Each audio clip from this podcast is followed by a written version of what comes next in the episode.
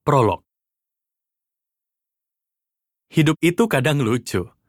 Kita pergi jauh-jauh dari rumah hanya untuk merasakan kerinduan untuk pulang.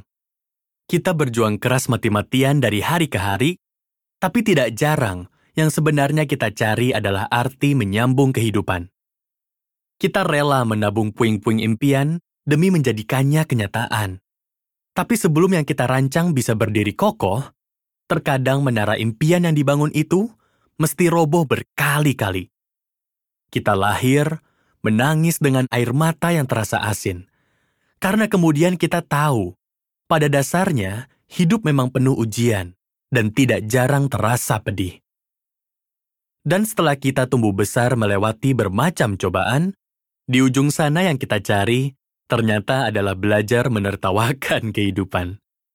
Banyak kejadian yang tak terduga terjadi di hidup kita, Begitupun banyak makna yang tersirat berasal dari hal-hal yang sederhana. Mungkin semua tergantung dari bagaimana kita menyikapinya. Life's kind of funny.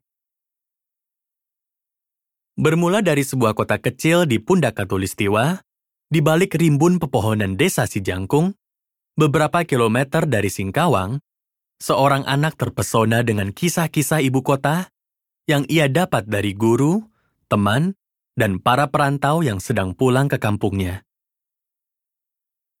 Jakarta, ibu kota itu, telah membius pikiran si anak dengan pikatnya. Manisan pala warna-warni dikeranjang oleh-oleh khas Jakarta dari seorang handai taulan, seolah telah memanggilnya untuk segera melangkahkan kaki keluar dari desa kelahiran.